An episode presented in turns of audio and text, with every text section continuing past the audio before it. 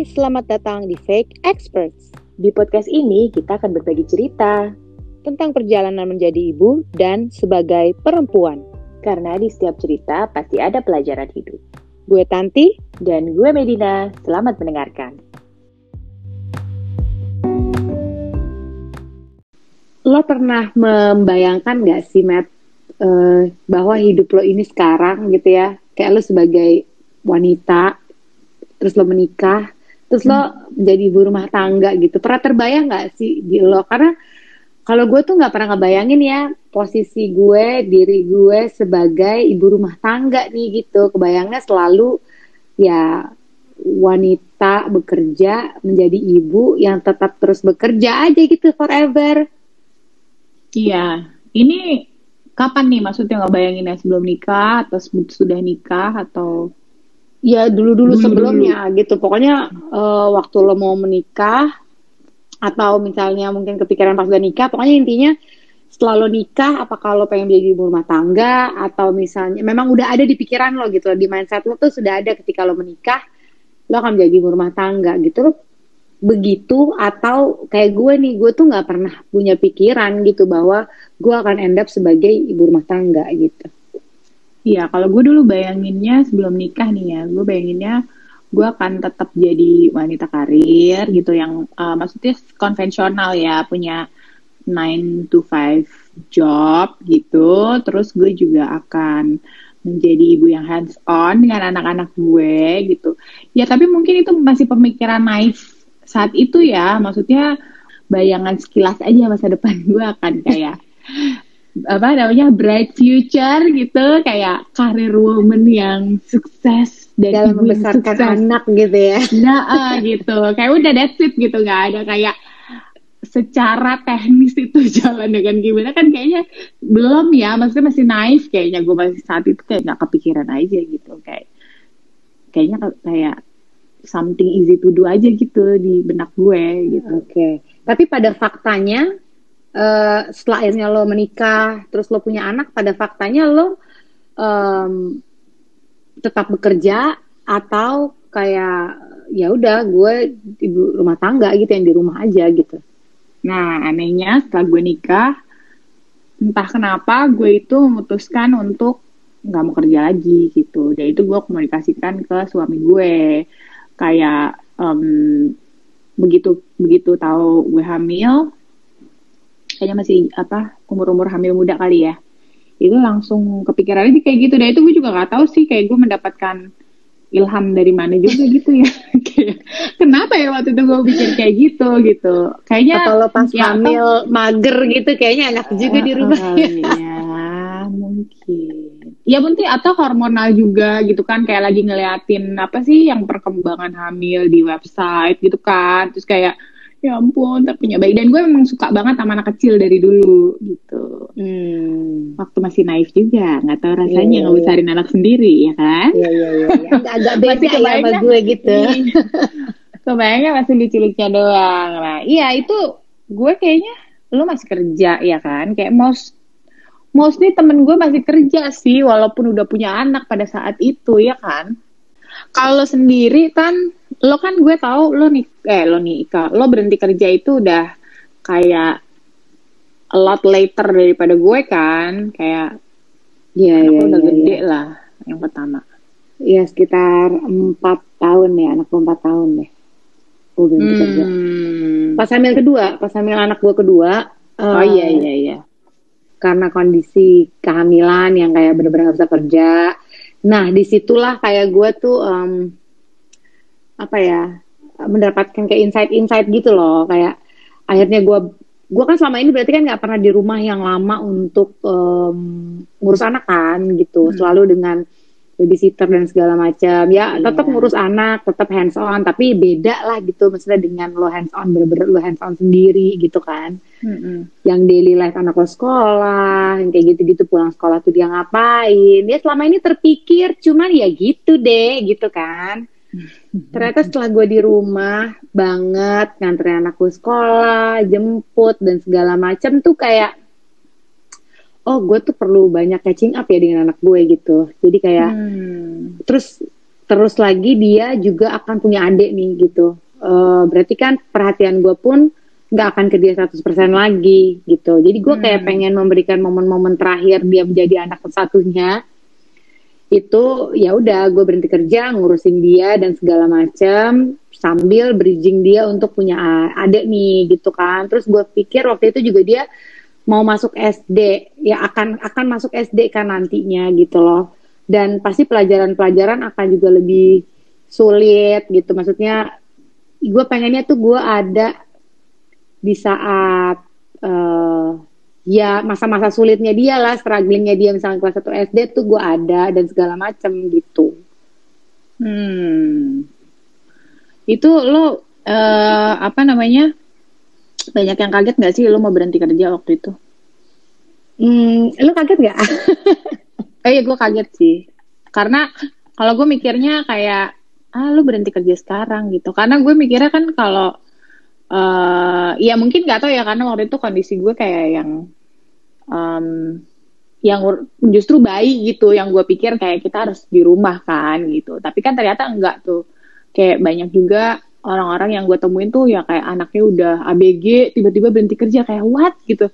Kayak umur segini lo berhenti kerja kayak sayang banget karir lo gitu kan. Maksud gue yang ternyata apa namanya em journey-nya ibu tuh beda-beda gitu. Ada yang kayak ya gue tiba-tiba terinsight untuk begitu punya bayi gue akan berhenti kerja gitu kan. Kayak lo juga ya sebenarnya lo juga sama ya lo kan akan punya bayi dan juga lo kayak mau fokus sama anak pertama lo gitu kan. Iya iya iya, iya pasti beda-beda sih benar. iya dan kayak ada lagi yang kayak wah ternyata ABG tuh problemnya beda lagi gitu. Dan tiba-tiba si ibu ini udah kayak berpuluh-puluh tahun berkarir berhenti kerja gitu. Karena em, ternyata masa ABG itu juga sesuatu yang masa yang dia nggak mau lewatin juga gitu.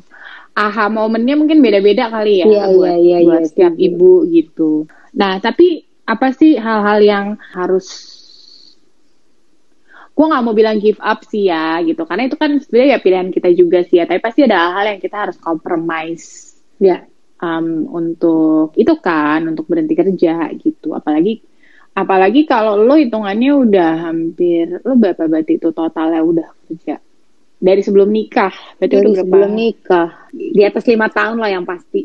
iya iya tujuh iya tahun, iya. delapan udah- tahun gitu kayak tujuh tahun ya. delapan tahun deh heeh. berarti kan Iya, udah iya. lama kan lo udah terbiasa banget kalau itu kan Iya iya dan itu bukan keputusan yang mudah ya gitu. Keraguan-raguan Hmm. itu juga eh, ada banget gitu loh ketakutan kayak nanti kalau gue nggak kerja gue tuh gimana. Walaupun gue tahu fokus gue ada di mana saat itu, tapi eh, keraguan-raguan, ketakutan untuk salah mengambil keputusan tuh juga eh, ada banget gitu. Kayak gue tuh nggak Hmm. pernah membayangkan dulu ya gitu di dalam hidup gue ya gue akan seumur hidup bekerja gitu loh maksudnya Iya. eh, we're talking about kayak profesional kerja yang profesional ya di kantor yang kayak gitu gitu. Lah gitu jadi Iya. ya udah gitu. Gue nggak pernah tuh gue membayangkan di hidup gue eh, menjadi ibu rumah tangga yang di rumah nganterin anak jemput anak ngurusin anak makan siang. Terus aja kayak gitu tuh nggak pernah sama sekali gitu loh. Jadi kalau dengan bangganya gue em, ya udah mengklaim diri gue sebagai working mom gitu kayak udah kayak gini lah hidup gue dan seterusnya gitu jadi pada saat gue mengambil keputusan itu tuh gue juga punya banyak pertimbangan, keraguan-raguan, ketakutan, apalah semua segala macam itu gitu loh. Iya, iya, iya benar. Tapi apa sih hal yang lo paling takutin waktu itu ketika lo harus berhenti kerja? Maksudnya yang kayak paling berat untuk uh, berat ya, kayak eh, kehidupan bekerja itu kan beda ya, lo keluar dengan segala macam problem yang ada di kantor, eh, dinamika pekerjaan lah kayak gitu. Terus yang kedua kayak eh, financially eh, gimana ya gitu, maksudnya eh, ketika lo biasa bekerja, seberapapun gaji lo itu ya, setiap bulan yang lo dapet, tapi kan lo punya tolak ukur secara pribadi kan, gitu lo sebagai Iya. lo individu nih lo, lo punya tolak ukur gitu kayak nggak yang mm, kesannya ngandelin suami lo aja gitu loh. Jadi lu agak Iya. independen juga lah gue gitu. ya Iya, kan? Lu udah terbiasa dengan ya. Iya kan, lu udah terbiasa dengan itu juga selama bertahun-tahun. Yang pasti Hmm. Juga akan menggelitik hati kecil lo kan. Gimana nih gue nanti ke depan gitu kan? Iya kan, kayak gitu Iya, tuh kan jadi nggak terukur gitu. Nah terus kayak ketakutan kayak ntar gue ngambil duit jatah apa nih gitu tau gak sih? Ya Iya, kan iya, kayak, iya. aduh gimana ya nggak biasa meminta. Maksudnya biasanya kan cuma dia dikasih sebulan sekian gitu. Terus ya udah nggak terbiasa untuk meminta kayak kurang apa tuh semua. Ah, udah deh, gue kan kerja gitu, udah deh gitu kan Iya. itu gue juga terus kayak gue takut eh, kebosanan kayak eh, kalau gue nggak kerja gue ngapain ya? Ya fokus gue sih waktu itu memang ngurusin anak aja sih gitu ya. Gue ingin spend time waktu untuk anak gue laki gue yang semakin suami gue yang semakin sibuk dan segala macam gitu. Kayaknya gue juga harus salah satu orang tua ini harus ada mendampingi anak-anak gitu loh buat gue waktu itu ya gitu. Jadi Iya.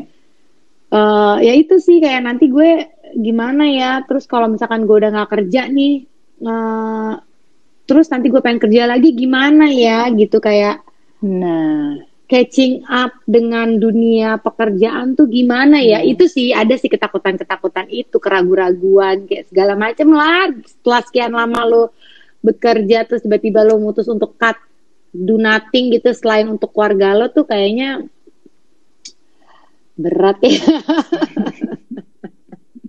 Iya kan gitu. Tapi kita akhirnya keputusannya gue ambil gitu. Ya dasarnya orangnya senang kerja senang kayak gitu-gitu kan. Maksudnya yang udah biasa kayak gitu jadi kayak wah tergoda juga ya gitu. Jadi akhirnya gue sempet sih punya kayak bisnis kecil-kecilan gitu ya. Hmm. kerja-kerja gitu lah gitu. Tadi ya kan sama lo juga tuh. Iya iya iya. Nah sebenarnya em, apa? Kalau gue mungkin kayak kebalikan lo kali ya gitu, yang gue give up begitu gue punya anak gitu kan, Eh, apa? Bukan give up, gue resign begitu gue punya anak gitu, bener-bener kayak em, sebenarnya nggak berpikir jauh juga sih again gitu. Naif juga. Iya kan cuma kayak Iya, pikirannya iya, iya, ya udah iya. gue harus di rumah gue harus um, apa namanya taking care si bayi gitu. Dan gue tuh emosional banget memang waktu gue punya bayi gitu. Kayak yang bener-bener shutdown kayak social life gue semuanya. Dan gue udah kayak bonding aja sama si bayi gue gitu. Even suami gue kayak ngajak pergi segala macam aja tuh gue yang kayak nggak berani gitu untuk pergi lama-lama. Padahal ada maksudnya ada pengasuh ada gitu kan. Kayak itu bukan bener-bener bukan prioritas gue deh gitu. Kayak panik banget gue em, ninggalin anak gitu. Nah cuma setelah itu eh, gue juga nggak kepikiran bahwa one day itu gue mungkin akan bisa freelance ya gitu kerja gitu. Ya memang basic gue kan konsultan dari awal gue kerja gitu kan. Terus somehow kayak anak gue menjelang satu tahun setahunan kayaknya ya udah itu eh, apa namanya lo tawarin gue kerja ya kan? Project based mencoba gitu. meracuni ya kan? Ah, dan ternyata gue senang gitu kerja kayak gitu. Dan em, setelah lo itu terus jadi ada kayak tawaran one off project lagi gitu. Jadi kayak em, oh iya ini mungkin sesuatu yang gue bisa lakukan ya gitu. Walaupun gue juga nggak tahu sih gimana cara nge-build karir gue balik lagi gitu kan. Untuk apa namanya di CV tuh biar kelihatan bagus dan segala macamnya itu bener-bener nggak nggak kepikiran sih ya waktu itu kayak ya udah deh ikhlas aja gitu urus anak. Kalau ada Iya, iya, iya. kalau ada kerjaan ya udah alhamdulillah buat tambah-nambah gitu kan. Justru em, terakhir-terakhir ini yang gue kayak full on ada project terus nih dua tahun terakhir ini gitu kan. Em, di saat lo tuh full time mam gitu. Jadi dulu gue gak punya temen tuh, teman-teman gue masih pada kerja semua, gue di rumah gitu mendekap dengan baik. Nah justru di saat teman-teman gue sekarang udah banyak yang jadi full time mom, eh, apa namanya? Nah gue dua tahun kemarin kayak sebenarnya project based juga, cuma kan ada beberapa project kak rasanya rasa full time gitu. Dan Hmm. ternyata um, ya karena dengan pandemi dan segala macam apa namanya mendekati akhir tahun tuh akhirnya gue merasakan burnout juga karena kayaknya gue kerja kayak orang full time ya gitu. Terus gue harus ngurusin anak yang juga lagi kayak adaptasi dengan homeschooling, iya kan. Terus gue jadi yeah, kayak yeah, yeah, yeah, yeah. akhirnya gue um, sempet kayak agak breakdown juga gitu at the end of last year karena yang kayak wah gitu kayak ini tuh capek banget ya dan itu juga kebetulan adalah akhir dari kontrak gue jadi kayak yang oh semuanya jadi campur aduk kan kayak um, kayak gue mau ngapain tahun depan gitu. Terus tapi juga kayak um, apa namanya gue juga sebenarnya kelelahan banget gitu. Ya lo bingung ya antara kayak ingin tetap bekerja tapi sebenarnya kayak fisik tuh fifty persen gitu. Sebenarnya gue nggak mendengarkan diri gue sendiri juga kan ya, gitu. ya, waktu ya, itu berarti. Ya karena itu kayak apa sih emang aneh banget gak sih kondisinya gitu kan. Pandemi ini kita nggak pernah ngalamin ya gitu. Jadi kayak lo harus adjust dengan yang kayak so quick gitu semuanya yang kayak lo harus mikir cepet harus adaptasi cepet kayak dijalanin aja sebenarnya kayak robot gitu kan. Dan kita juga udah mulai ngegarap si podcast gitu kan menjelang akhir tahun lalu. Nah akhirnya awal tahun ini gue baru yang kayak oh ternyata dengan gue kayak apa namanya ya sekarang gue lagi nggak ada project kayak gini kita ngajain podcast terus gue ngurus anak-anak um, apa namanya ya di samping usaha kecil gue juga itu ya ternyata lebih oh gue tuh jadi lebih sabar ya sama anak-anak itu sih yang hikmah itu ya. sih hikmahnya uh, kayak positifnya yang gue bener-bener ambil kayak oke okay, gue tuh jadi sekarang gak ribet. Kayak ngurusin PR tuh nggak kayak terburu-buru. Kayak eh cepet cepet cepet. Kayak karena gue harus bentar lagi gue oh, iya, ada harus catching up with apa iya, nih kerjaan yang apa segala macam uh, uh, bener bener bener bener bener bener. Jadi kayak gitu lo gitu nggak gitu nggak sih waktu lo kerja dulu? Iya iya sih gitu. Maksudnya uh, kayak hmm. ada anak gue ngecek ngecek tugas apa gitu ya. Ini kan terlepas dari pandemi gitu ya. Iya, ya, iya, kayak iya. gitu gitu. Saya kayak pulang gini gue tahu kondisi gue ketika gue bekerja gitu. Ketika gue kerja sebenarnya gue sama suami gue nih agak beda tipis ya gitu. Hmm. kalau udah kerja itu suka eh, nggak uh, mau stop gitu. Hmm, yeah. ya kan? Pengennya tuh pengennya tuh uh, impiannya adalah pulang ke rumah hmm. dengan zero problem. Iya ya kan tapi ya kenyataannya. kenyataannya berkata lain gitu ya kan. Pengennya tuh kayak gitu. Jadi gue juga nggak pengen di rumah gue terus ketemu hmm. anak gue dan gue pusing ya tapi akhirnya pulang jadi lebih telat kayak gitu. Yeah. kadang anak udah tidur. Atau misalnya um, pulang dengan akhirnya dengan keadaan terpaksa harus pulang nih gitu. Karena kan punya anak di rumah yang harus kita ketemu dan segala macam ya gitu.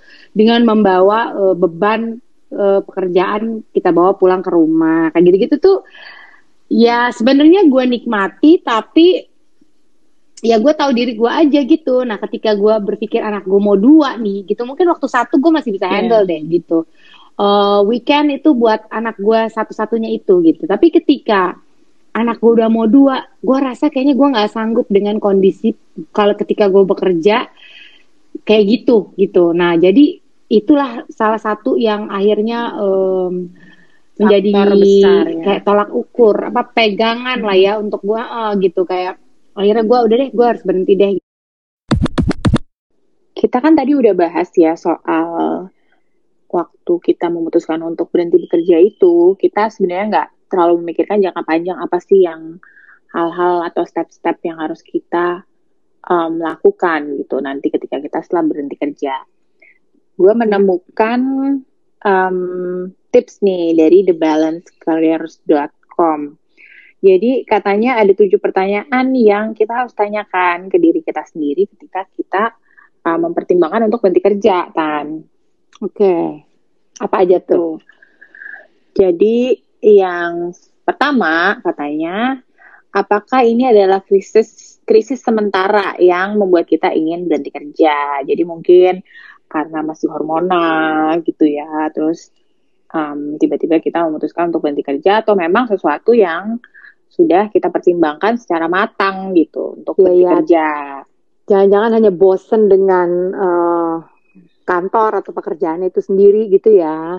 Ya, itu benar-benar harus dipikirkan um, dengan kepala dingin. Bukan dingin ya, harus dipikirkan secara clear. Ya. Terus yang kedua katanya can I afford to quit gitu. Jadi kita sebenarnya mampu nggak untuk hanya memiliki uh, nantinya itu single single income kan, berarti yeah. untuk at least beberapa um, saat gitu sampai akhirnya um, rencana selanjutnya apakah nanti kita mau memulai bisnis rumahan atau kita akan mencari kerja part time hal, seperti itu harus dipikirkan juga untuk jangka panjangnya. Ya ini berarti keterlibatan dengan uh, suami lah ya gitu dengan ya. pasangan dong gitu ya. Dan itu sesuatu yang kita bahas tadi kita juga sebenarnya gak langsung pikirkan ya ketika uh, gue terutama berhenti kerja. Jadi uh, di beberapa tahun aja setelah itu baru kepikir oke okay, gitu, gue harus um, mencari apa membuat usaha dan waktu ada kesempatan untuk part time gue ada part time gitu kan. Ya. Nah terus yang ketiga ini, nah ini sebenarnya uh, justru hal yang harus dipertimbangkan apakah worth it untuk kita lanjut kerja gitu. Jadi am I working to pay for childcare katanya. Jadi sebenarnya kita kerja itu um, ujung-ujungnya misalnya setengah dari gaji kita untuk membayar apa namanya uh, pengasuh atau orang yang membantu kita untuk mengurus anak di rumah itu worth it atau enggak gitu. Iya iya iya iya iya. Ya. Maksudnya ketika kita uh, bekerja itu waktu kita terbuang dan di rumah kita harus membayar lebih orang yang uh, harus yeah. menggantikan kita di rumah ya gitu atau iya. sebaiknya yeah. ya mendingan kita aja yang di rumah gitu toh sebetulnya Bener. intinya jadi kayak sama aja gitu ya iya dan uh, makin mahal ya kan babysitter makin tahun Oke, okay, terus yang keempat, nah ini juga sesuatu yang um, kayaknya gue juga tidak consider waktu itu. Jadi katanya how easy would it be to re-enter the workforce? Nah, jadi untuk ke depannya gimana nih karirnya? Kalau misalnya berhenti, apakah mungkin suatu saat mau balik lagi uh, melanjutkan karirnya? apakah kita bersedia untuk memulai dari awal lagi misalnya hal, -hal seperti itu yang kita sudah harus um, prepare ya, siapkan ya. benar. Iya, iya, iya. Terus yang kelima katanya would quitting hurt my family security. Jadi um, mirip sih kayak yang tadi ya. Apakah dengan uh, nantinya single income atau mungkin kalau kita adalah single parent, apakah mungkin untuk berhenti kerja atau enggak gitu. Itu hal-hal yang harus di consider juga. Ya, ya, berarti family lah ya yang harus dipikirin nggak hanya diri kita aja gitu maksudnya yeah. sebagai individu yang bekerja, tapi juga ada beban-beban lain nggak yang ketika kita tinggalkan pekerjaan tersebut akhirnya jadi uh, terbengkalai gitu ya. Ya betul. Nah yang keenam, uh, apakah mungkin kalau sebenarnya jamnya aja nih yang dikurangin instead of kita resign gitu. Jadi kalau misalnya di kantor-kantor yang sekarang kan banyak ya startup-startup yang mungkin lebih memiliki flexible time gitu ya. Apakah itu mungkin dinegosiate gitu di kantor uh, kita untuk mungkin bisa flexible time atau um, waktu jam kerjanya dikurangi. Hal-hal seperti itu mungkin bisa jadi alternatif daripada berhenti kerja um, secara total sekali. gitu ya. Uh, betul. Dan yang ketujuh, yang paling penting adalah ini sebenarnya uh, gue setuju banget untuk diri kita sendiri ya. Jadi would would I enjoy being a stay at home mom? Jadi um, mungkin di saat itu mungkin di tahun-tahun awal kita akan enjoy tapi apakah misalnya nanti anak kita udah mulai sekolah um, waktunya mereka juga akan lebih banyak di sekolah seperti itu apakah kita juga akan uh, nggak uh, tidak merasa bosan gitu untuk di rumah dan apa yang um, kita lakukan untuk uh, bisa uh, menikmati apa namanya keputusan kita untuk menjadi stay at home mom gitu. Iya iya iya iya ya. banyak ya yang harus consider ya. Waktu itu kenapa Banyak. kita Mungkin karena ya itu tadi, mungkin masih naif ya, belum apa namanya, belum kepikiran sepanjang itu. Tapi karena kita sekarang udah tahu, harusnya kita lebih smart. Please